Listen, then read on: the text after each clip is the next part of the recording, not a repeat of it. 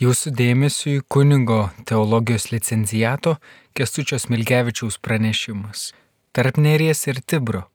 Vilniaus ir Romos miestų bažnytiniai ryšiai iki 1636.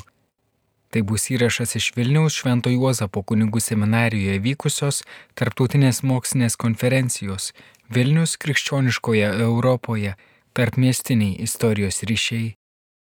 Nors labai skirtingi savo dydžiu bei reikšme, Vilniaus ir Romos miestai turi ir panašumų.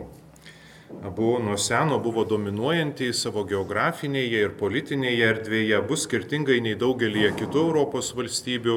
Iš tiesų, jeigu pasižiūrėsime, daugumoje taip nėra. Tiek bažnytinės, tiek politinės galios centrai, abiejose didžiuotasi kalvomis, ant kurių ir aplink kurias išaugo abu miestai. Tiesa, Vilnių 1323 metais pirmą kartą paminėjus istoriniuose šaltiniuose, miestų reikšmės augimo dinamika buvo atvirkštinė.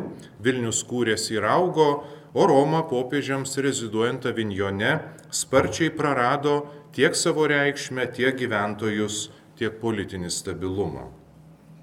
Pirmas klausimas tikriausiai būtų apie vinkuliorum origo, apie ryšių pradžią, kaip viskas prasidėjo ir kurios metus reikėtų laikyti Vilniaus ir Romos bažnytinių ryšių pradžia. Galbūt 1317 m. vasario 3 dienos popiežiaus Jono 22 laišką Gediminui, kuriuo šis ragina didįjį kunigaikštį krikštytis. O gal 1320 antruosius metus, kuomet Gediminas dviem laiškais kreipėsi į tą patį popiežių, Joną 22, pasakodamas apie Vokiečių ordino agresiją ir net mesdamas krikščionybės prieimimo galimybės. Bet popiežius tuo metu rezidavo ne Romojo Avignone, Gediminas nebuvo krikščionių, o susirašinėtas siekiant pirmiausiai išspręsti politinės, o ne religinės problemas. Ta 1322 metų data atkrinta. 1388 metų kovo 12 dieną popiežius Urbanas VI savo bule Romanus Pontifex išleista Perudžia patvirtino Vilniaus vyskupijos įkūrimą įpareigodamas Poznanės vyskupą Dobrogostą pakelti karaliaus Jogailos Vladislovo 1387 metais Vilniuje šalia didžiųjų kunigaikščių pilies pastatytos Šventojo kankinio Stanislovo bažnyčios rangą į katedrą, bei popiežiaus vardu įvesdinti pranciškoną vyskupą Andriejų, ką tik perkeltą iš Sereto į naująjį Vilniaus vyskupo sostą. Ši bulė buvo atsakymas į pražuvusi po 1387 m. kovo 22 dienos rašytą karaliaus Jogailos ir karalienės Jadvygos laišką Urbonui VI, kuriame būtent prašyta suteikti Vilniui miesto statusą, o pastatytai bažnyčiai katedros rangą. Ir nesvarbu, kad apie šį laišką sužinome ne iš Romoje, o Perūdžia reziduojančio popiežiaus ir kad pats prašymas galbūt net greičiausiai buvo rašytas ne Vilniuje, jau kovo 22 dieną, jo gaila buvo Merkinėje. Būtent šis neišlikęs valdovų laiškas Urbonui VI laikytinas pirmuoju Vilniaus ir Romos bažnytinių ryšių istoriniu liudijimu. Nuo 1378 metų prasidėjusi popiežystės fragmentacija, vadinama didžiuoju vakarų skilimu, kreipė Romos dėmesį į savo problemas, tačiau Vilniuje kristianizacija vyko ir toliau, kūrėsi pirmosios bažnytinės struktūros, konsekruota parapinė bažnyčia. Visuotinė bažnyčia išsprendė savo beveik 40 metų užtrukusias vadovavimo problemas Konstancijos visuotinėme suvažiavime popiežiumi išsirinkdama Martyną V kolonną. Šio popiežiaus kanceliarijai Vilnius jau nebebuvo kažkokiu nežinomu toponimu, Vilniečiams teikti įvairūs leidimai ir atlaidai. Štai 1427 m. gegužės 13 d. Martinas V suteikė vienerių metų atlaidus visiems tikintiesiems, kurie didįjį penktadienį Vilniaus katedroje pamaldžiai aplankys garsųjį Šventojo kryžiaus altorių, kurį vėliau XVI amžiaus viduryje, kaip prisimenate, vyskupas Paulius Alšeniškis sujungė į vieną darinį su savo pastatyta Švento kryžiaus e, koplyčia ir taip tarytum ir davė atsaką į tuo metu kylančius e, e, reformacijų iššūkius ir kartu paskatino Šventojo kryžiaus kultą Vilniaus mieste. Bet tai buvo vėliau. Jogailai su Vytautu tarpusavio santykiuose atradus politinį kompromiso, vėliau nugalėjus Vokiečių ordiną, padėtis kuriam laikui normalizavosi ir Vilniuje. Nors lietai, bet gausėjančių bažnytinių struktūrų kūrimosi Vilniuje nesustabdė nei Švitrigailos ir Žygimanto Kestutaičio tarpusavio karas, nei visuotinėje bažnyčioje 1438 metais įvykęs mažasis vakarų skilimas. XVI amžiaus pradžioje matome didelį suintensyvėjimą Vilniaus ir Romos santykiuose. Erasmas Čiovojek, didžiojo kunigaikščio, dar ne karaliaus tuo metu, yra siunčiamas į Romą, pristato Lietuvos valstybę ir parveža daugybę relikvijų, kai kurių labai įdomių. Taip pat XVI amžiaus pradžioje bažnytiniai Romos ir Vilniaus ryšiai pasiekė vieną iki šiol nepralenktą kulminacinį tašką. Albertas Radvila, pirmasis Lietuvos didžiosios kunigaikštystės didikų, kitaip vadinamų magnatų šeimų atstovas Vilniaus soste. 1512 m. vasarą atvyko į Romą ir dalyvavo tų pačių metų gegužės 3 dieną prasidėjusiame penktajame Laterano bažnyčios susirinkime. Tuo būdu Albertas Radvila yra vienintelis Vilniaus vyskupas ir net Lietuvos hierarchas dalyvavęs visuotinėme bažnyčios susirinkime.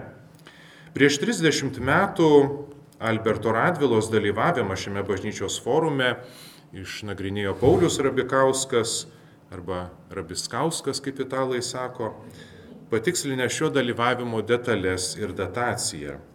Nustatyta, kad Albertas Radvila susirinkimo darbe dalyvavo maždaug vienerius metus, nuo 1512 m. gruodžio iki 1513 m. gruodžio, taigi prieš pat reformacijų pradžią rūpindamasis tiek savo didžiulės viskupijos, tiek Lietuvos didžiosios kunigaikštystės interesais, Vilniaus vyskupas susirinkimo metu galėjo prašyti neseniai popiežiumi išrinkto Leono X įgyvendinti 1439 m.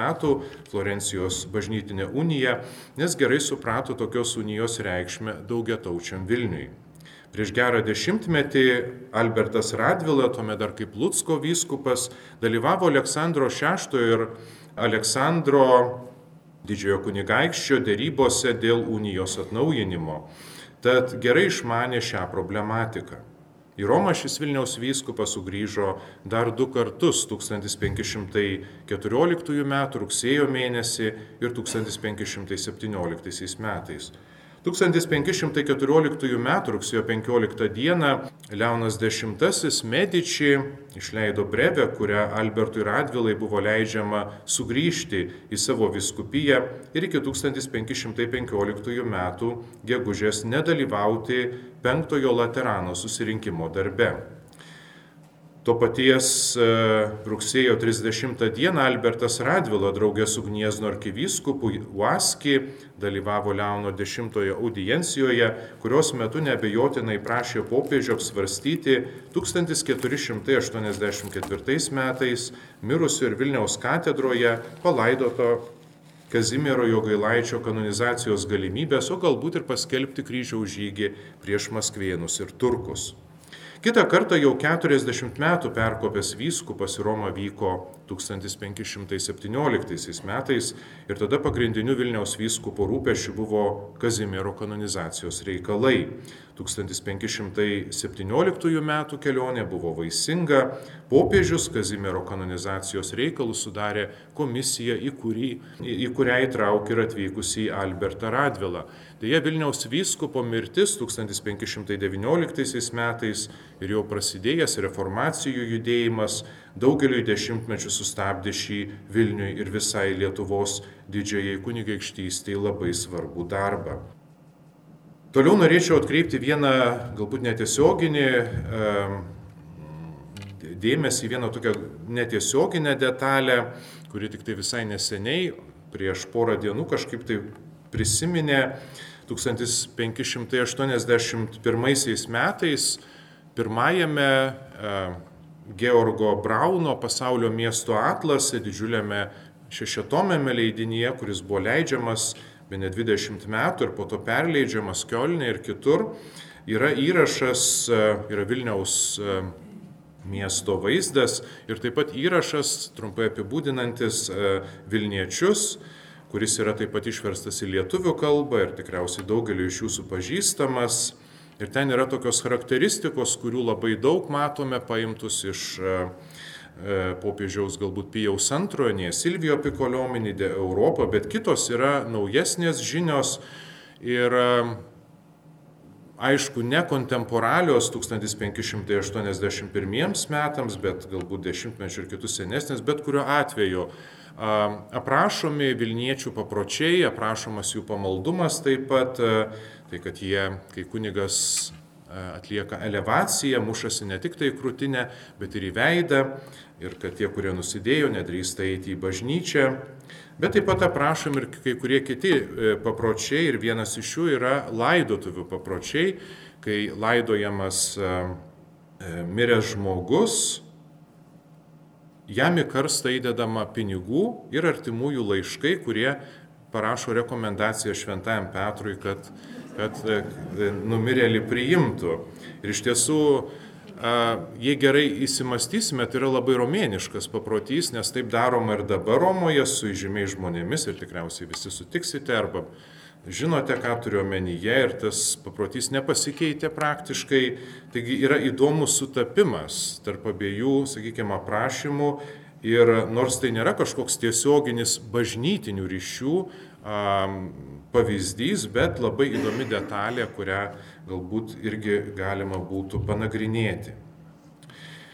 Toje pačioje 16 amžiaus pabaigoje asistijamo A, sakytų italai, E, esame liudininkai vienos situacijos, kuomet Vilnius ir Roma bažnytinė prasme tarytum susikeičia vietomis ir tai yra susijęs su Vilniaus vyskupu Jurgiu Radvila ir būtent yra kardinolų biretų įteikimas Vilniaus katedroje. 1583 metais gruodžio pradžioje e, popiežius Grigalius XIII kardinolais pakelia Vilniaus vyskupą tuo metu dar tik tai kunigų esantį Jurgi Radvila ir apaštalinį nuncijų Lenkijoje Alberto Bolonjeti. Ir Radvila kaip tik tuo metu yra Vilniuje, jau nori grįžti į Livoniją, bet, kurios vietininkų yra, bet, bet tas, ta aplinkybė jį sulaiko. Ir galiausiai priima vyskupo šventimus ir kovo ketvirtą dieną Vilniaus katedroje abiem dignitoriams biretus iškilmingai įteikė, įteikė pats karalius Steponas Batoras.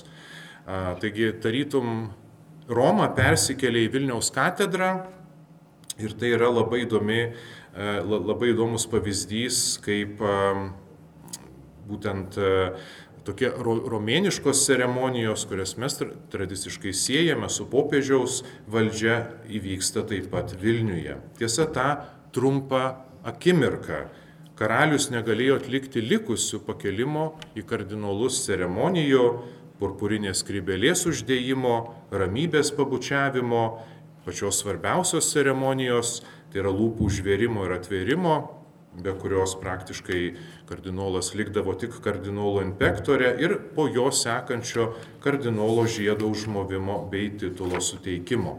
Visą tai galėjo atlikti tik popiežius, Tad Vilniaus vyskupas vos atleistas iš Livonijos vietininko pareigų 1586 m. vasario 14 d. išvyko į Romą birželio 26 dienos viešojoje konsistorijoje prisiekė popiežiui jau kitam negu jis, kuris buvo jį paskyręs jau Sikstui V ištikimybę.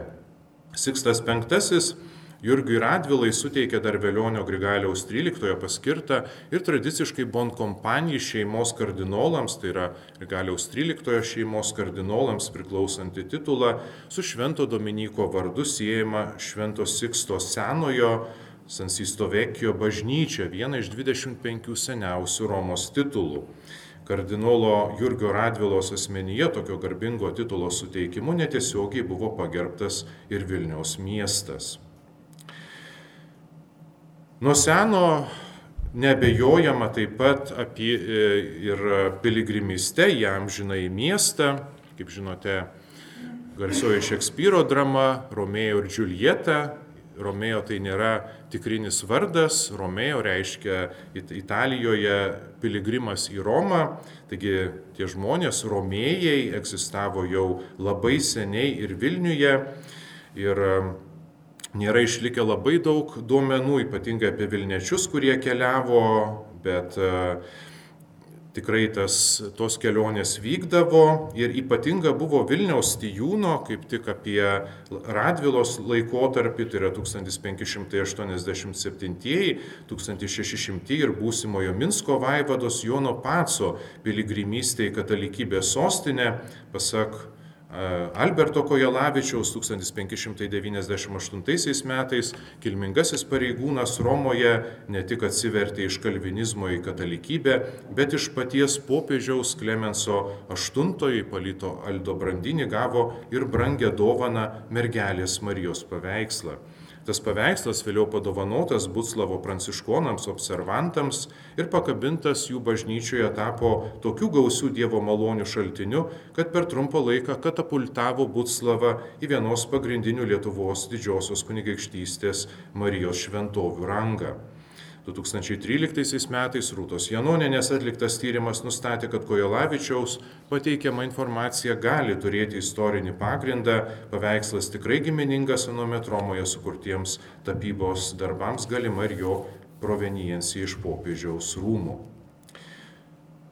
Ne visos Vilniečių piligrimystės į katalikybės sostinę buvo laisvanoriškos. Nuo seniausių laikų, kaip žinote, egzistavo tiek e, tokios, sakykime, pamaldinės piligrimystės, tiek ir e, atgailos piligrimystės. Istorijoje plačiai pagarsėjo Vilniaus ir medininkų kanauninkų Ambraziejaus Beinarto 1591-1592 metų kelionė į Romą. 1591 m. lapkričio 22 d. Vilniaus katedros kapitula nubaudė šį kanauninką metinių pajamų privaciją bei atgailos piligrimistę į Romą. Tai ir šiandien galime perskaityti Vilniaus kapitulos aktuose. Tokia didelė bausmė šiam dvasininkui buvo skirta už kažkokį neįvardytą didelį nusikaltimą. Nespėliosime apie šio nusikaltimo pobūdį, e, tai ne šio pranešimo tikslas, bet e, Ambrazijaus Beinarto reputacijos jis nesugadino. Dar du kartus 1594 ir 1598 metais šis kanonų teisės daktaras Romoje lankėsi kaip garbingas Vilniaus katedros kapitulos delegatas.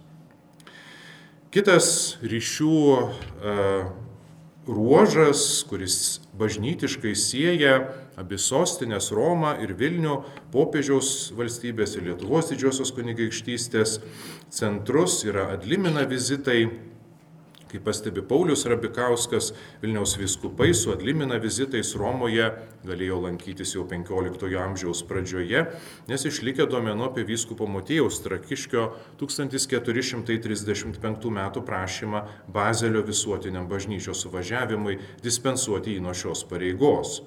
Tų pačių metų Liepo 16 dieną suvažiavimas vyskupui Motėjai tokią dispensą suteikė. 1470 m. gruodžio 19 d. popiežius Paulius II tokią pačią dispensą suteikė ir Vilniaus vyskupų Jonui Losovičiui.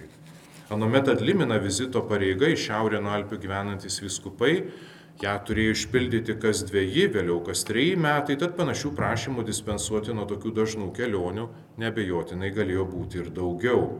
Nuo 1585 metų šiapus Baltijos jūros gyvenantis viskupai apaštalų kapus turėjo aplankyti kas ketveri metai, nors iš tiesų nebuvo aišku, ir kai kurie traktuodavo tą dokumentą, Romanus Pontifex, savo palankiau ir sakydavo, mes gyvename už Baltijos jūros, tad mums galioja penkerių metų terminas.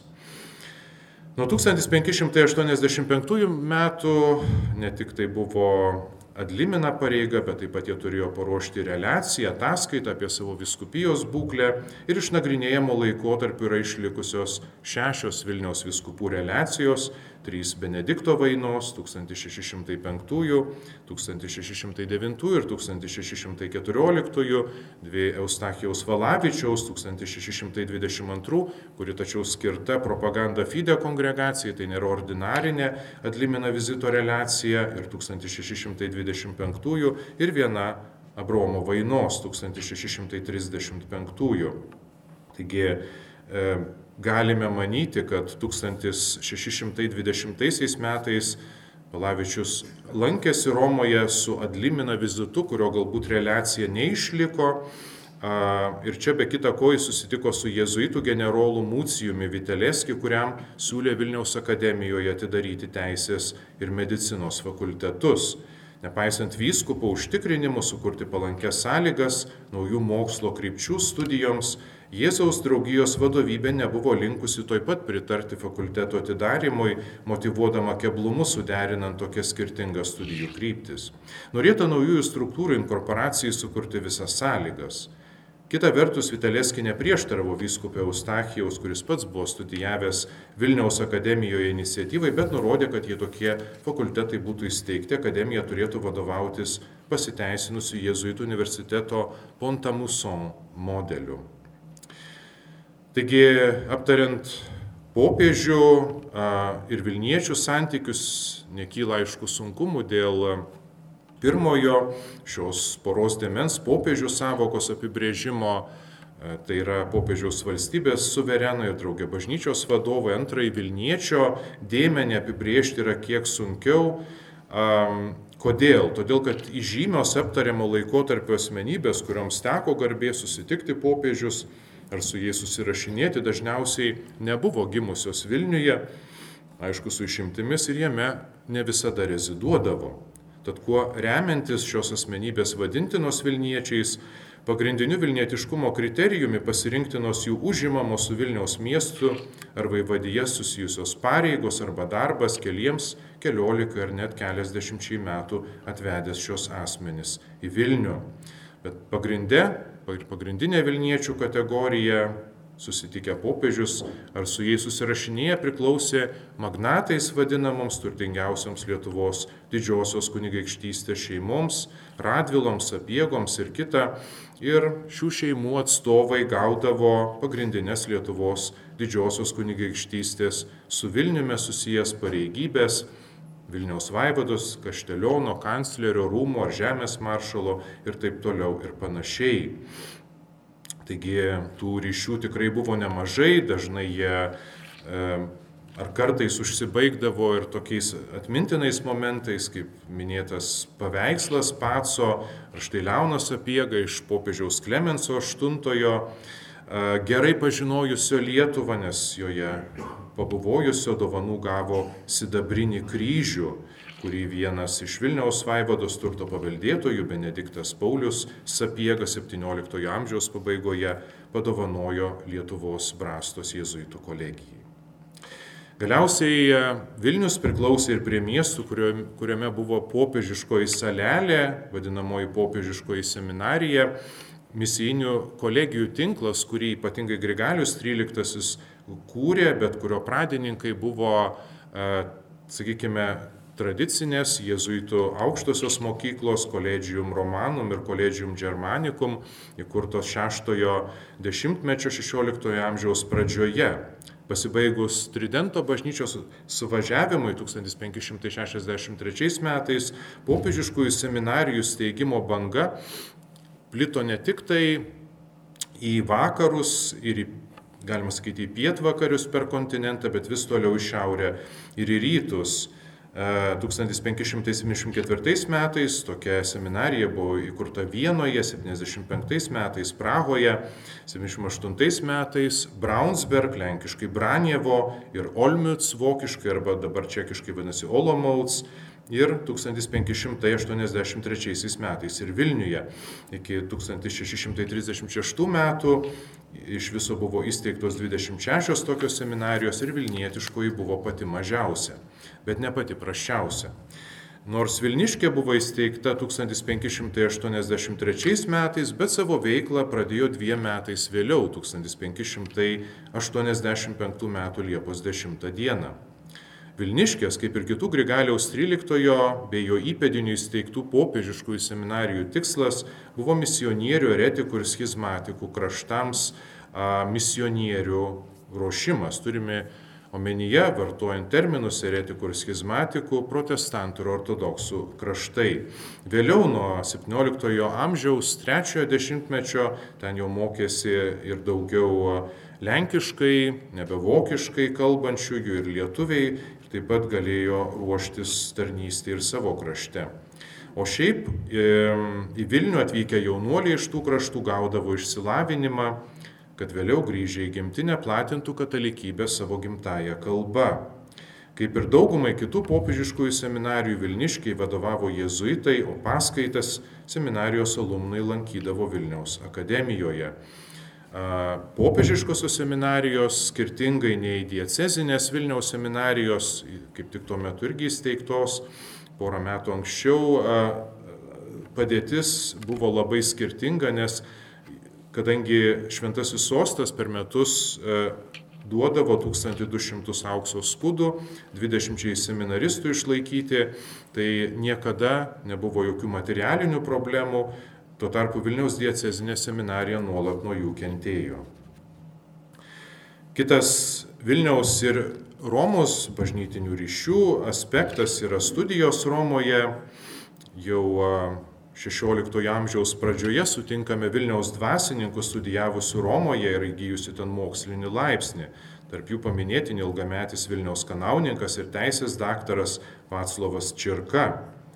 Nuo 16 amžiaus antrosios pusės labai daug dvasininkų, pirmiausia jėzuito, ėmė iš Vilniaus vykti studijuoti į Romą, ten besikūrenčiose bažnytinėse aukštosiuose mokyklose, aišku, pagrindė Romos kolegijoje, žymių Vilniuje dirbusių dvasininkų pažymėtini Romoje, Romos kolegijoje studijas baigė Stanislavas Grodžitski, Kasparas Savitski, Jeronimas Stepanovski, taip pat šventumu pagarsėjęs Mikalojus Vančitski, jis ne tik studijavo Romoje, bet ten ir dirbo mokslinį darbą. E, Jurgis ir Albertas Radvilos studijavo Romos kolegijoje 1576-77 metais, būsimieji Vilniaus viskupai Benediktas Vaina, Eustachijus Valavičius, būsimasis medininkų vyskupas Stanislovas Kiška, apie 1609-uosius beje Romoje išventintas kunigu, garsusis Lenkų poetas Motiejus Kazimieras Arbievijus, Romoje 1624 metais studijavo teologiją, gavo kunigystės šventimus Mikalojus Zaviša, Osvaldas Kriuger, taip pat garsusis mūsų Kinijos misionierius Andrius Rudamina, Romoje studijavo 1600 22-24 metais ir ten gavo kunigystės šventimus. Romos kaip studijų vietos populiarumas tarp akademinį išsilavinimą norinčių gauti dvasininkų nemažėjo ir po mūsų aptariamo laiko tarpio.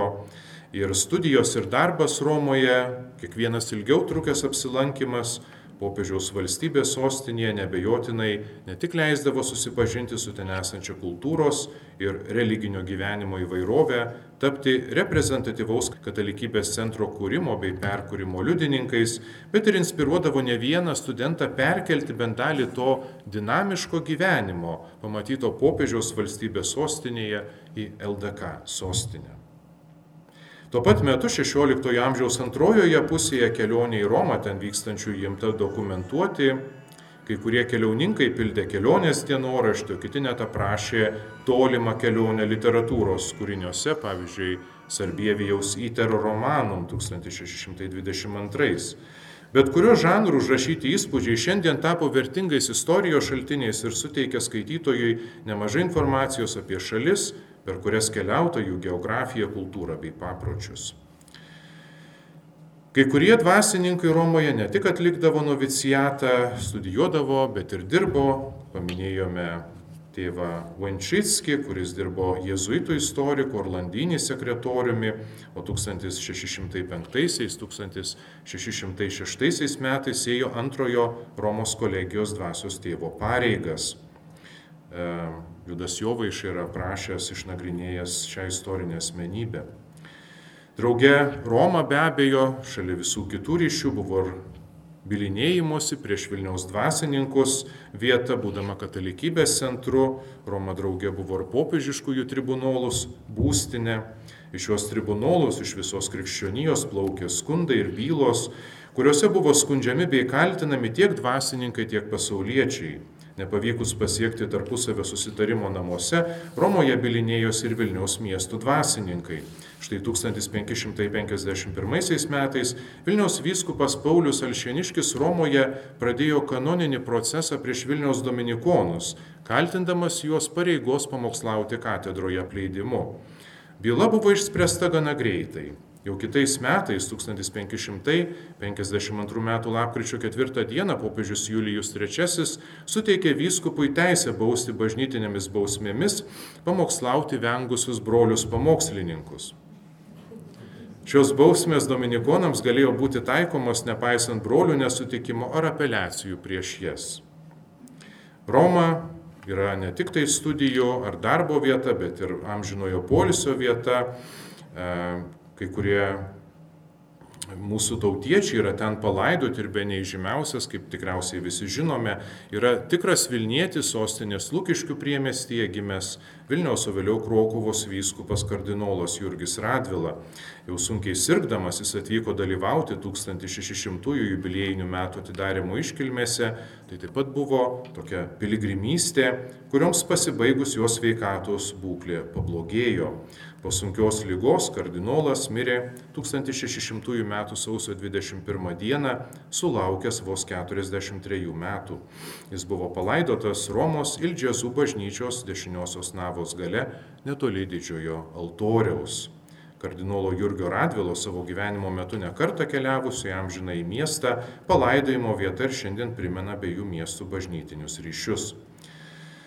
Jau pastebėjome kad studijos darbas ar ilgesnis lankymasis Romoje, ne vieną ten buvojantį, galėjo paskatinti, perkelti bent dalį matytos religinės kultūrinės tikrovės, kuri tapo labai dinamiška ir labai patraukli, kaip tik tuo metu 16 amžiaus antrojoje pusėje ir tolydžio įdomėjo, patrauklėjo iš vienos sostinės į kitą. Kaip ir kiek grįžusiai iš amžinojo miesto realiai įgyvendino patirtas inspiracijas Vilniuje. Iš tiesų, pirmas dalykas, į kurį taip prabėgom galime atkreipti dėmesį, tai Vilnių pasikviestų religinių ordinų tapatybė tarp gausybės 16-17 amžiaus Romoje veikusių ordino, jų susikūrė nemažai reformos metu, kai kurie yra tipiškai romietiški yra, ir yra neatsiejami su popiežiaus valstybės sostinės tapatybė. Ir net du iš jų buvo kaip tik nagrinėjimų laikotarpiu atsikviesti, tai Laterano kanauninkai ir Bonifratrai savo centrą turintys Tiberio saloje garsiojoje ligoninėje, kurioje ir šiandien yra milžiniškas žemėlapis ant sienos ir jeigu įeisime, pamatysime, kad pats šiaurės rytinis, net ir šiandien jų veiklos taškas yra Vilnius.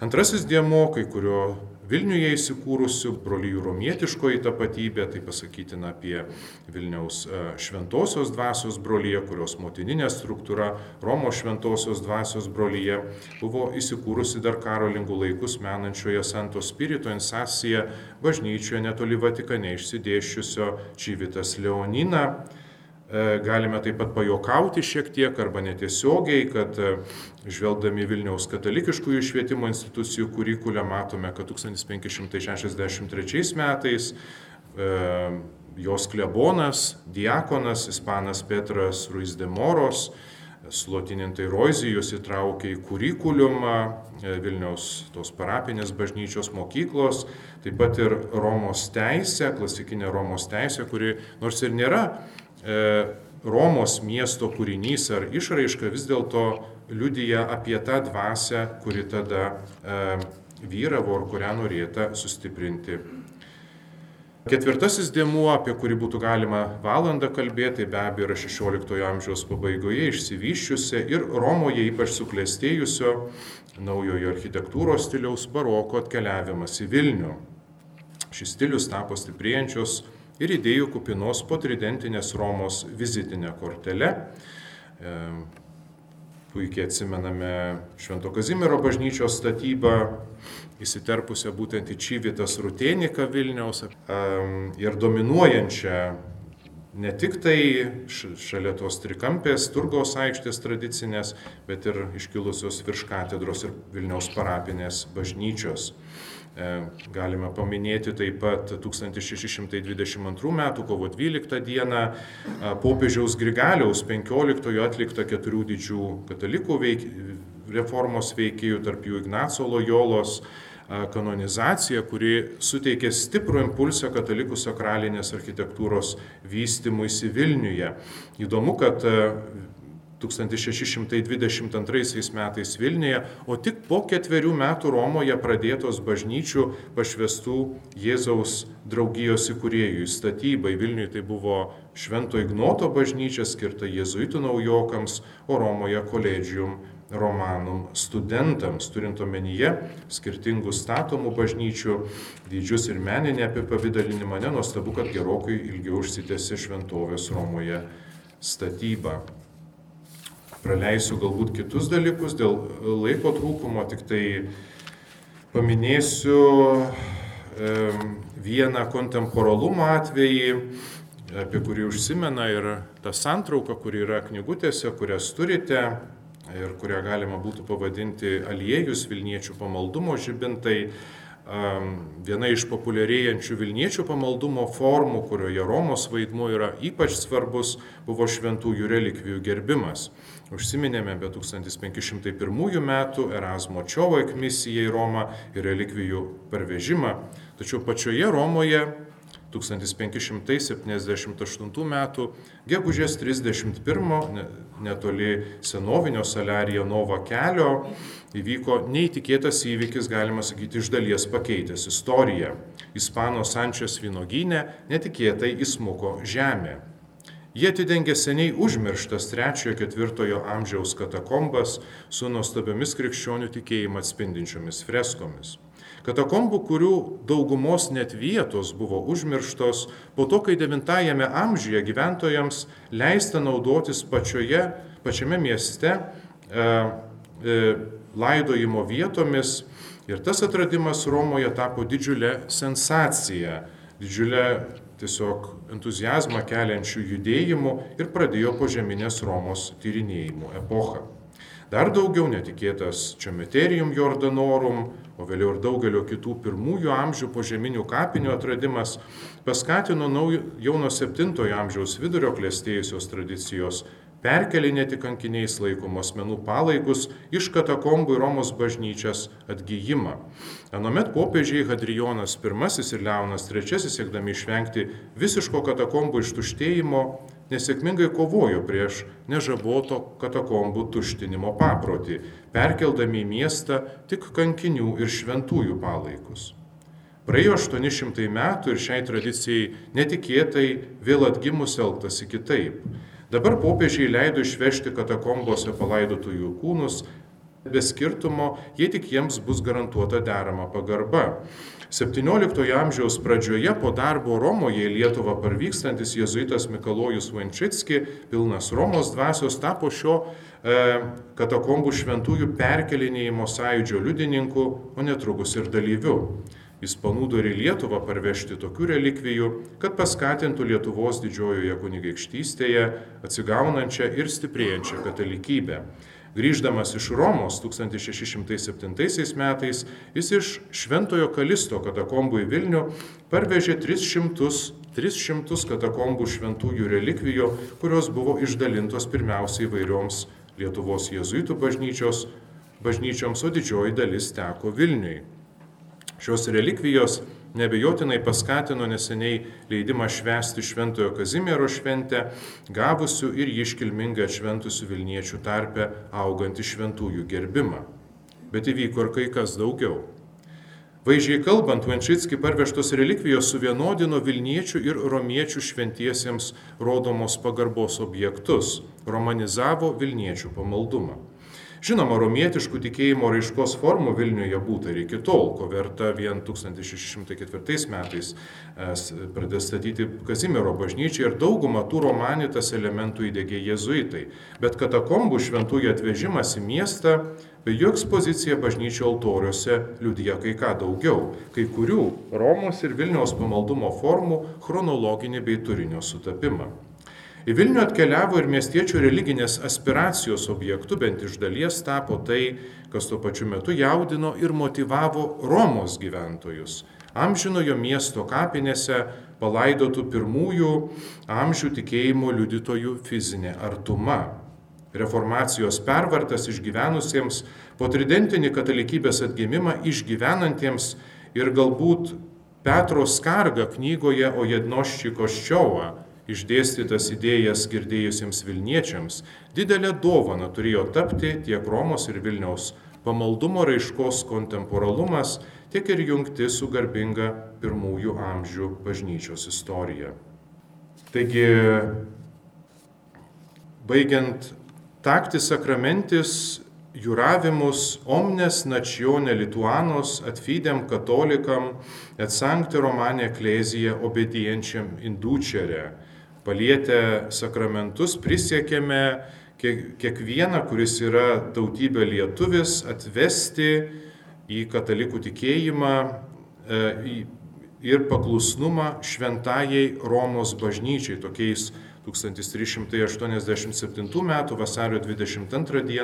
Vilniuje užrašytais žodžiais karalius Jogaila prisiekė atvesti į katalikų tikėjimą ir paklusnumą Romos bažnyčiai visus lietuvius.